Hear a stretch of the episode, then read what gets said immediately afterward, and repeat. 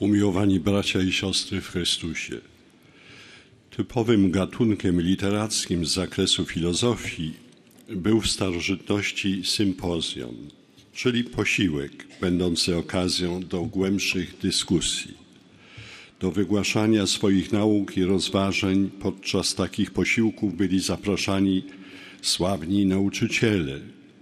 Na podobny podobnego rodzaju posiłek, który tym razem poruszał zagadnienia z dziedziny czystości rytualnej, został zaproszony również nasz Zbawiciel. Stało się to dla niego okazją do wypowiedzenia swojego biada skierowanego przeciw żydowskim uczonym w prawie. Dotyczyło ono tych wszystkich, którzy starali się zmusić do milczenia dawnych proroków, oczerniali ich, zniesławiali, a nawet doprowadzili do ich śmierci. Później zaś ich synowie stawali im grobowce i oddawali im cześć, gdy zmarli prorocy nikomu już nie przeszkadzali. Wasi ojcowie ich zamordowali, a wy im wznosicie grobowce. Było podobnie jak w wierszu Cypriana Kamila Norwida. Coś ty Atenom zrobił, Sokratesie, że ci ze złoto statuę lud niesie, otruwszy pierwej. Zgodnie z Biblią hebrajską, pierwszym takim zamordowanym męczennikiem był Abel, a ostatnim Zachariasz, o którym mówi pismo, król Joasz zapomniał już o dobrodziejstwie, jakie wyświadczył mu ojciec Zachariasza Jojada i zabił syna. Kiedy zaś ten umierał, zawołał, oby Pan to widział i pomścił i za to zażądał sprawy. Żydowska tradycja utrzymywała, że po śmierci Zachariasza w świątyni wytrysnęła fontanna krwi, której nie mogło powstrzymać nawet ofiara z życia tysiąca kapłanów. Przelana krew, uważali Żydzi, spada bowiem nie tylko na bezpośrednich jej sprawców, ale także na całą społeczność. Skoro zaś Zachariasz modlił się o pomstę, to znaczy, że kara spadnie na pokolenie czasów Jezusowych, bo akurat wtedy grzechy przodków osiągnęły swój szczyt. Zabijając Jezusa, męczennika w najwyższym tego słowa znaczeniu.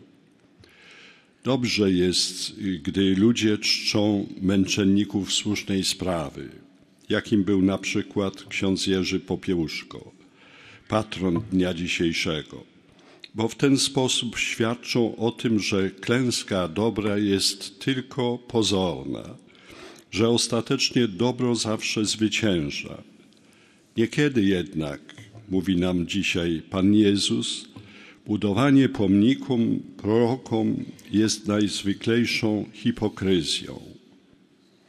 Święty Jan Paweł II stał się w jakimś sensie także męczennikiem naszych czasów, gdy dnia 13 maja 1981 roku na placu Świętego Piotra w Rzymie doszło do zamachu na jego życie. Nienawiść próbowała wtedy zniszczyć głos miłości miłosiernej, jakim papież przemawiał do świata. Dzięki Bożej opatrzności zbrodnia ta nie powiodła się. Ojciec Święty przetrwał, aby dalej kontynuować swoje dzieło głoszenia dobrej nowiny. W programie jego pontyfikatu mieściło się wyprowadzenie współczesnych spo społeczeństw z obszaru wartości dionizyjskich, to znaczy takich jak kult materii, chaos, samoubóstwienie, nienawiść, przemoc, gwałt, seksualizm, zemsta i wprowadzenie ich na płaszczyznę wartości apolińskich, takich jak duch, prawda, dobro, miłość wyższa, piękno, twórczość, służba dla innych, tworzenie rodzinnej i uniwersalnej wspólnoty osobowej, prawo i harmonia, a wreszcie miłosierdzie Boże, którego kult przed Janem Pawłem był negowany, a teraz objął cały świat i oddaje samo serce chrześcijaństwa. I było to przesłanie nie tylko dla ludzi Kościoła, ale także dla całego świata, dla współczesnych kultur. Aby nie stać się dzisiejszym hipokrytą, trzeba być, byśmy nie przesłaniali Boga. Biada nam, jeśli naszym zachowaniem, czy też naszymi wypowiedziami przesłaniamy prawdziwe oblicze Pana Boga. I idzie w tym przypadku nie tylko o wielkich filozofów, pisarzy, uczonych, e, o arystokrację dziennikarską czy nauczycielską, która wywiera wielki wpływ na światopogląd całych pokoleń. Te słowa Chrystusowe dotyczą także nas, zwyczajnych ludzi, postawy e, rodziców, postawy nauczycieli. Biada nam, jeśli kształtujemy w innych ludziach postawy niezgodne z prawem Bożym i zasadami miłości Boga i bliźniego.